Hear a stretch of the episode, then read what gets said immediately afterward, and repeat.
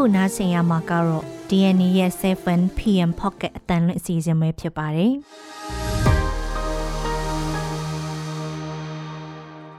ဒီကနေ့ဖေဖော်ဝါရီလ1ရက်နေ့ရဲ့ Pocket အတန်လွင့်အစီအစဉ်မှာတော့အမေရိကန်နဲ့ဩစတြေးလျကအရေးယူပိတ်ဆို့မှုတွေထပ်လုပ်တဲ့ဆိုတဲ့အကြောင်းပြည်သူပါဝင်မှုအကောင့်ခဲ့တဲ့အတန်တိတ်တပိတ်ဆိုတဲ့အကြောင်းဘလဝမှာအရာရှိ3ဦးအပါအဝင် စကောင်စီတပ်ဖွဲ့ဝင်ဒရာစင်ကျော်ကို CDF တပ်ဖွဲ့ဖမ်းဆီးတယ်ဆိုတဲ့အကြောင်းမြောက်ဦးအခြေဆိုင်ခမရ940ကိုအေးအေးသိမ်းပိုက်လိုက်တယ်ဆိုတဲ့အကြောင်းနိုင်ငံတော်ဝန်တိုက်ပွဲတွေအတွက်တိုင်းရင်းသားတော်လှန်ရေးတပ်ဖွဲ့တွေကိုစကောင်းဆောင်အပြစ်တင်နေဆိုတဲ့အကြောင်းစားတဲ့ပြည်တွင်းသတင်းတွေနဲ့မလေးရှားအလဲကျဘရင်အဖြစ်ဘီလီယနာတထေကြီးဆူဒန်အီဘရာဟင်ကျန်းကျိန်နေဆိုတဲ့အကြောင်းပြည်ပရန်သူရဲ့အလစ်တိုက်ခိုက်မှုကို တုံ့ပြန်တဲ့စီရေးလေ့ကျင့်မှုမျိုးထိုင်ဝမ်လှုပ်ဆောင်နေတယ်ဆိုတဲ့အကြောင်းစားတဲ့နိုင်ငံတကာသတင်းတွေကိုလည်းနားဆင်ရမှာပါရှင်ဒီစီစဉ်ကိုတော့ကျမနန်းခမ်းနဲ့စိမ့်ကတင်ဆက်ပေးသွားပါမယ်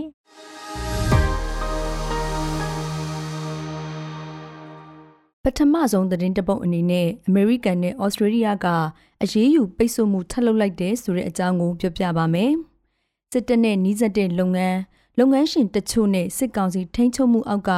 နိုင်ငံပိုင်လုပ်ငန်းတချို့ကိုပိတ်ဆို့အရေးယူကြောင်းအမေရိကန်နဲ့ဩစတြေးလျနိုင်ငံတွေကအာဏာသိမ်းမှု၃နှစ်မြောက်နှစ်ပတ်လည်ကာလမှာထုတ်ပြန်ကြေညာကြပါတယ်။အာဏာသိမ်းပြီးတဲ့နောက်စစ်ကောင်ဆောင်တွေသူတို့နဲ့နှီးဆက်သူတွေကိုပိတ်ဆို့အရေးယူမှုအများအပြားလုပ်ထားတဲ့အမေရိကန်နိုင်ငံရဲ့အခုတစ်ကြိမ်ပိတ်ဆို့အရေးယူမှုစည်ရင်မှာရွှေပြိုင်းဖြူကမ်ပဏီစစ်တပ်ရဲ့ဥပိုင်ကမ်ပဏီလက်အောက်ခံရေချောင်းတည်ယူပို့ဆောင်မှုကမ်ပဏီ Five Star တင်မောလိုက်တို့ပါဝင်ပါတယ်။ဒီတွင်မှာခရိုနီစီးပွားကုမ္ပဏီတစ်ခုဖြစ်တဲ့လူသိများတဲ့ရွှေပြိုင်းဖြူကမ်ပဏီဟာစစ်တပ်လက်အောက်ခံစီးပွားရေးဥပိုင်လီမိတက်နဲ့အကျိုးတူပူးပေါင်းလဲပတ်နေတဲ့လုပ်ငန်းတစ်ခုလည်းဖြစ်ပါတယ်။အဲ့ဒီကမ်ပဏီပိုင်ရှင်ဖြစ်သူတိန်ဝင်းစောဇနီးနဲ့အရွယ်ရောက်ပြီးသားနှစ်ဦးတို့ကိုလည်းအမေရိကန်ရဲ့ပိတ်ဆို့မှုစီးရင်ထဲထည့်ထားပါတယ်။အခုအသစ်သတ်မှတ်လိုက်တဲ့ပိတ်ဆို့အရေးယူမှုတွေဟာစစ်တပ်အတွက်လင်းရင်စီတင်သွင်းဝယ်ယူမှုတွေနဲ့ စစ်လက်နက်ထုတ်လုပ်နိုင်စွမ်းတွေကိုထိုးနှက်ဖို့ရည်ရွယ်တယ်လို့အမေရိကန်ဗန်နာရေးဝန်ကြီးဌာနကထုတ်ပြန်ပါတယ်။အလားတူဩစတြေးလျနိုင်ငံကလည်း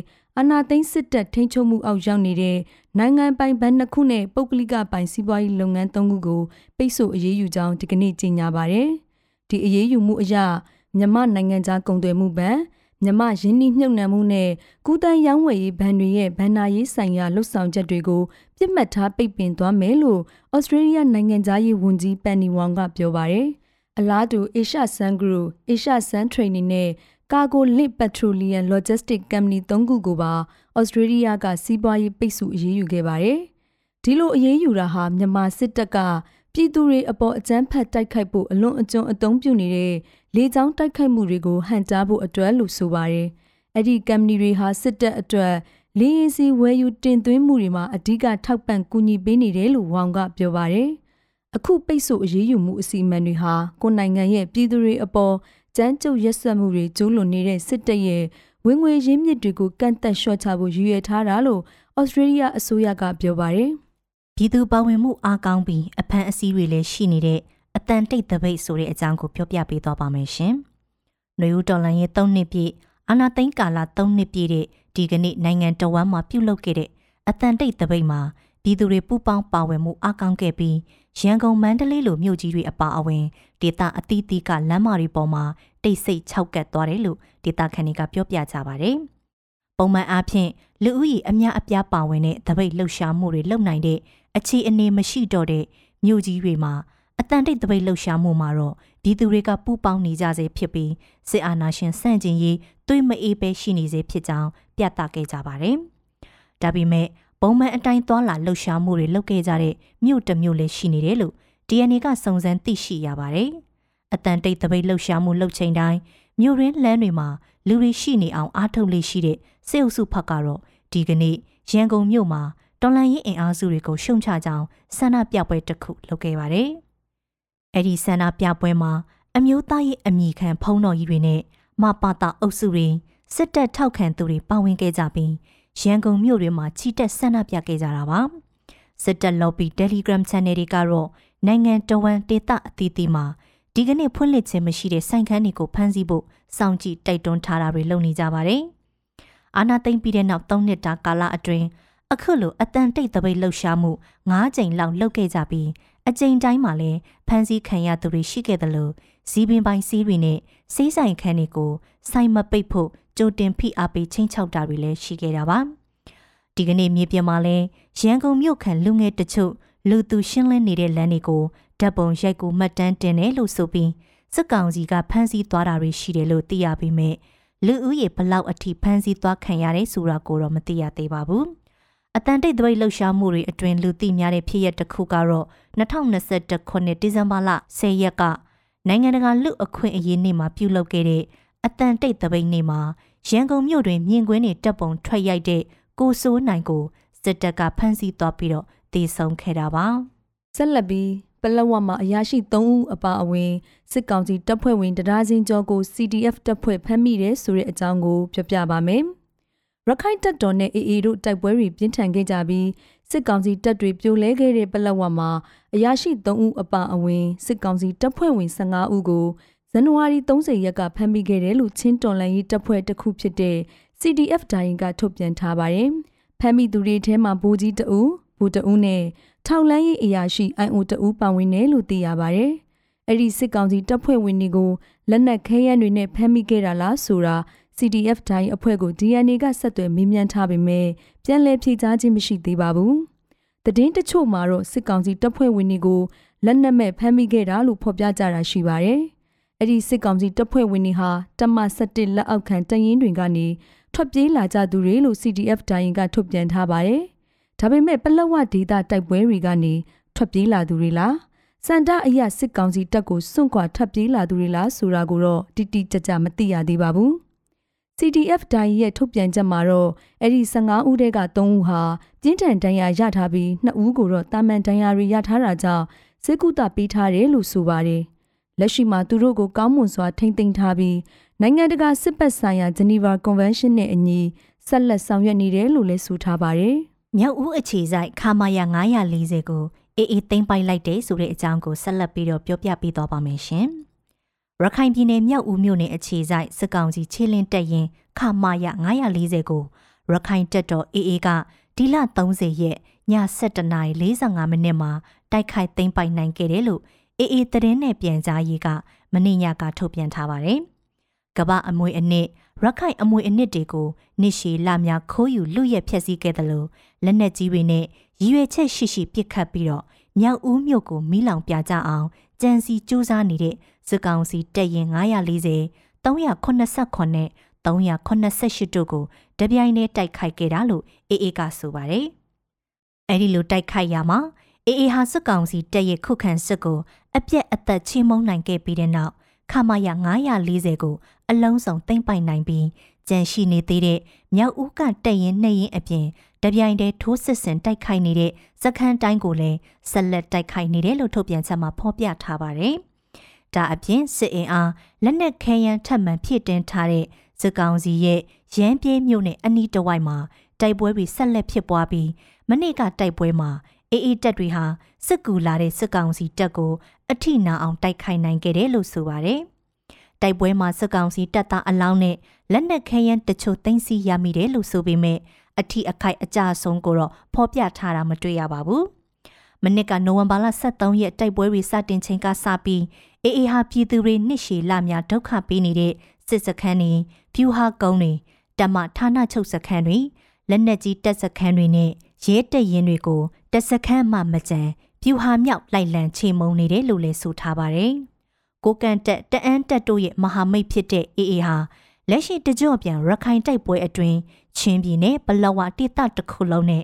ရခိုင်ပြည်နယ်ပေါက်တော်မြို့တွေအပါအဝင်စစ်ကောင်စီစခန်းအများအပြားကိုတင်ပိုက်ထားတာပါ။နောက်ဆုံးသတင်းတပုတ်အနေနဲ့နိုင်ငံတော်ဝန်တိုက်ပွဲတွေအတွက်တိုင်းရင်းသားတော်လှန်ရေးတပ်ဖွဲ့တွေကိုစစ်ကောင်းဆောင်အပြစ်တင်လိုက်တဲ့အကြောင်းကိုပြပြပေးပါမယ်။2021ခုနှစ်အာဏာသိမ်းမှုအပြီးနိုင်ငံတော်ဝန်လက်နက်ကင်ခုခံတော်လှန်မှုတွေကျေပြန့်လာတာနဲ့ပတ်သက်လို့အာဏာသိမ်းစစ်ကောင်ဆောင်ကတိုင်းရင်းသားလက်နက်ကင်တော်လှန်ရေးတပ်ဖွဲ့တွေကိုပြစ်တင်ဝေဖန်လိုက်ပါတယ်။ မနေ့ကနေပြည်တော်မှာပြုလုပ်ခဲ့တဲ့စစ်ကောင်စီကာလုံအစည်းအဝေးအတွင်းစစ်ကောင်ဆောင်က10-20ခုထိုးစစ်ကိုဆင်နွှဲခဲ့တဲ့ညီနောင်မဟာမိတ်သုံးဘွဲ NCA လက်မှတ်မထိုးထားတဲ့ KIA, KNPP, SSPP SSA တို့အပြင် NCA လက်မှတ်ထိုးထားပေမဲ့အာဏာသိမ်းပြီးတဲ့နောက်တိုက်ပွဲတွေပြန်ဖြစ်နေတဲ့ KNU CNF တို့ကိုပြစ်တင်ပြောဆိုခဲ့တာပါ။ကိုကန်တက် MNDAA နဲ့တအန်တက် TNL တို့ဟာ သက်ဆိုင်တဲ့ဒေသတွေကိုပြန်လည်အုပ်ချုပ်နိုင်မှုပုံမှုစိုးမိုးနိုင်မှုအတွက်တိုက်ပွဲတွေဖော်ဆောင်ခဲ့ကြပြီးရခိုင်တပ်တော် AA ကတော့စစ်ကောင်စီနဲ့အပြစ်ရက်ခဲ့ပေမဲ့ရှမ်းမြောက်တပ်ဖွဲ့တွေစီကလက်နက်ခဲယမ်းတွေလူကျင်တာကြောင့်အဲ့ဒီဒေသတိုက်ပွဲတွေမှာပါဝင်ခဲ့တယ်လို့စစ်ကောင်ဆောင်ကဝေဖန်ပါတယ်။ဒါအပြင် KIA, KNPB, SSPB, SSA တပ်ဖွဲ့တွေဟာ PDF တပ်ဖွဲ့တွေကိုအားပေးကူညီကာနိုင်ငံတော်ဝန်မှအကြမ်းဖက်လုပ်ရက်တွေလုပ်စီခဲ့တယ်လို့လည်းဆွဆွဲပါတယ်။ အလားတူ NCA လက်မှတ်ထိုးထားကြတဲ့အဖွဲ့တွေဖြစ်တဲ့ KNU နဲ့ CNF တို့ကိုလည်း NCA ကိုချိုးဖောက်တယ်ဆိုပြီးသူကအပြစ်တင်ခဲ့တာပါ။အဲ့ဒီတပ်ဖွဲ့တွေကတော့2021ခုနှစ်စစ်အာဏာသိမ်းမှုကြောင့် NCA စာချုပ်ပြတ်ပြဲပြီလို့အတိအလင်းပြောဆိုထားတာပါ။ရှမ်းမြောက်မှာ10-20ခုစစ်စင်စတင်ပြီးတဲ့နောက်နိုင်ငံတော်ဝန်ကမြို့30ကျော်နဲ့စစ်စခန်းအများပြားလက်လွတ်ခဲ့ရတဲ့နဲ့ပတ်သက်လို့စစ်ကောင်းဆောင်ကအသေးစိတ်ပြောဆိုတာမရှိပေမဲ့ဂျွန်လန်ရေးတပ်ဖွဲ့တွေက တပ်မိသားစုဝင်တွေကိုဥတီတိုက်ခိုက်လာတာကြောင့်နေရာတချို့မှာဆုတ်ခွာပေးခဲ့ရတယ်လို့ဆိုပါတယ်။2020အထွေထွေရွေးကောက်ပွဲမှာမဲမတမာမှုတွေရှိခဲ့တယ်လို့အကြောင်းပြအာဏာသိမ်းပြီးတဲ့နောက်ရွေးကောက်ပွဲပြန်ကျင်းပမယ်လို့စစ်ကောင်ဆောင်ကကြွေးကြော်ခဲ့ပေမဲ့လက်ရှိအချိန်ထိတနိုင်ငံလုံးကိုထိန်းချုပ်နိုင်ခြင်းမရှိသေးပါဘူး။ဒါကြောင့်၃နှစ်အတွင်း၅ကြိမ်မြောက်အဖြစ်အရေးပေါ်ကာလတက်တန်းကိုမနေ့ကကာလုံအစီအဝေးမှာ6လတစ်ကြိမ်ထပ်တိုးခဲ့ရပါတယ်။ တက်လက်ပြီးတော့နိုင်ငံတကာသတင်းအစီအစဉ်ကိုမနန်းခန့်ကတင်ဆက်ပေးပါမယ်။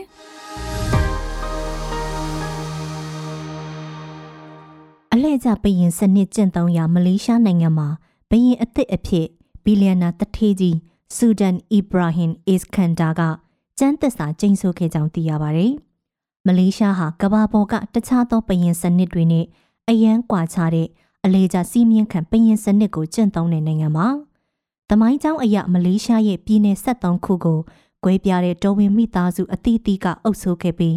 အဲ့ဒီထဲကပြည်내6ခုမှာသာတော်ဝင်မိသားစုအဆက်အနွယ်တွေကျန်နေပါတော့တယ်။အဲ့ဒီမိသားစုတွေကရွေးချယ်ပေးတဲ့အမျိုးသားတွေက9နှစ်တစ်ကြိမ်နိုင်ငံရဲ့ဘရင်ရာထူးကိုထမ်းဆောင်ကြတာဖြစ်ပါတယ်။ဇန်နဝါရီလ31ရက်မှာကျန်းကျင်ပြီးမကြခင်နန်းတက်ပွဲကျင်းပဖို့ပြင်ဆင်နေတဲ့ဆူဒန်အီဘရာဟင်ကတော့ နိုင်ငံရဲ့အချမ်းသာဆုံးစိတ်ရင်းဝင်ပုဂ္ဂိုလ်တဦးဖြစ်ပြီးဂျူဟော်ပြည်နယ်ကိုအုပ်စိုးနေတဲ့တော်ဝင်မိသားစုရဲ့အကြီးအကဲလေးဖြစ်ပါတယ်။အသက်65နှစ်အရွယ်ဆူဒန်အီဘရာဟင်ရဲ့စီးပွားရေးအင်ပါယာဟာစားတောက်ကောင်လုပ်ငန်း၊ဆက်သွယ်ရေးလုပ်ငန်း၊အိမ်ချမ်းမြေလုပ်ငန်း၊တအားပေးစက်ရုံတွေလက်ပတ်တဲ့လုပ်ငန်းစသဖြင့်လက်တံတွေအများကြီးဖြန့်ကျက်ထားပါတယ်။သူဟာပရင်အဖြစ်ကျန်းချိန်ဖို့အတွက်ဂျိုဟော်ကနေကွာလာလမ်ပူမြို့တော်စီ ကိုပိုင် Boeing 737လေယာဉ်နဲ့ဆိုက်ရောက်လာတာပါ။ဆူဒန်အီဘရာဟင်ရဲ့ပိုင်ဆိုင်မှုစည်ရင်းမှာဝါသနာအယစုဆောင်ထားတဲ့စိန်ခံကားနဲ့မော်တော်ဆိုင်ကယ်စုစုပေါင်းအစီး300ကျော်လေးရှိပါတယ်။ဆူဒန်အီဘရာဟင်ဟာမလေးရှားဝန်ကြီးချုပ်အန်ဝါအီဘရာဟင်နဲ့လည်းနီးကပ်တဲ့ဆက်ဆံရေးမျိုးရှိနေပြီးသူပရင်ဖြစ်လာခြင်းကအန်ဝါအတွက်လည်းအားတက်စရာဖြစ်လာနိုင်ပါတယ်။မလေးရှားပရင်ဟာတိုက်ရိုက်နိုင်ငံရေးဩဇာမရှိပေမဲ့ ပြီးခဲ့တဲ့နှစ်ပိုင်းတွေအတွင်းနိုင်ငံရေးအရာရှေ့မတိုးတာနောက်မဆုတ်တာအခြေအနေမျိုးကြုံနေချိန်တွေမှာဝန်ကြီးချုပ်ဘယ်သူဖြစ်တဲ့နဲ့ဆိုတာမျိုးဝင်ဆုံးဖြတ်ပေးတဲ့အရေးကြီးကိစ္စမျိုးတွေကိုကင်တွယ်ခဲ့ရတာကြောင့်ဘရင်ရာထူးရဲ့နိုင်ငံရေးဩဇာနဲ့ဂုံတိတ်ခါကပုံမူကျေပြန်လာနေတယ်လို့လေလာသူတွေကသုံးသပ်ထားပါတယ်။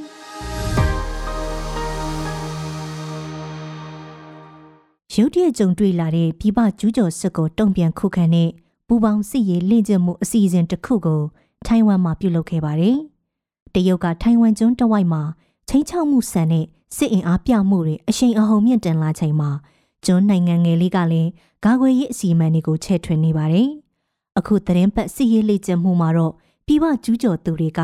အငိုက်ဖန်တိုက်ခိုက်လာတာကိုထိုင်ဝမ်ကြီးတက်တဲ့ရေတပ်ကစုပေါင်းခုခံပုံမျိုးတရုတ်တူပြင်ဆင်ထားခဲ့ပါတယ်။ကြီးတက်ရဲ့တင်ကားတွေတန်ချက်ကာရှင်တွေ လက်နက်ကြီးယူနစ်တွေအပြင်ရေသက်သမောတွေပါပါဝင်တဲ့စီရေးလှေကျမှုဟာ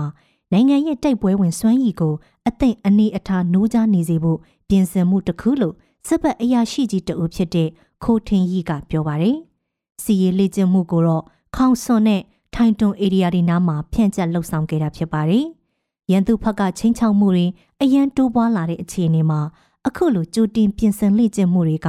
အရန်လိုအပ်တယ်လို့လည်းခိုးကမှတ်ချက်ပေးခဲ့ပါတယ်။တရုတ်ဟာရေလက်ကြားတစ်ခုသာချပြီးတည်ရှိတဲ့ထိုင်ဝမ်ကျွန်းကိုပိုင်နဲ့နေမီအဖြစ်သတ်မှတ်ကြေညာထားပြီးလိုအပ်လာရင်စစ်အင်အားသုံးတိုက်ခိုက်သိမ်းယူဖို့အထိစိတ်ပိုင်းဖြတ်ထားကြောင်းကြေညာထားပါတယ်။ဒီမိုကရေစီထွန်းကားတဲ့ကျွန်းနိုင်ငံငယ်လေးကတော့တီးခြားလွတ်လပ်တဲ့ရည်တည်မှုမျိုးကိုသာလိုလားနေပါတယ်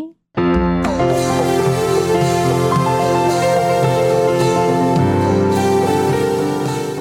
DNA ရဲ့ 7pm pocket အတန်လွင့်အစီအစဉ်ကိုအပတ်စဉ်တနင်္လာနေ့ကနေတောက်ကြနေ့အထိည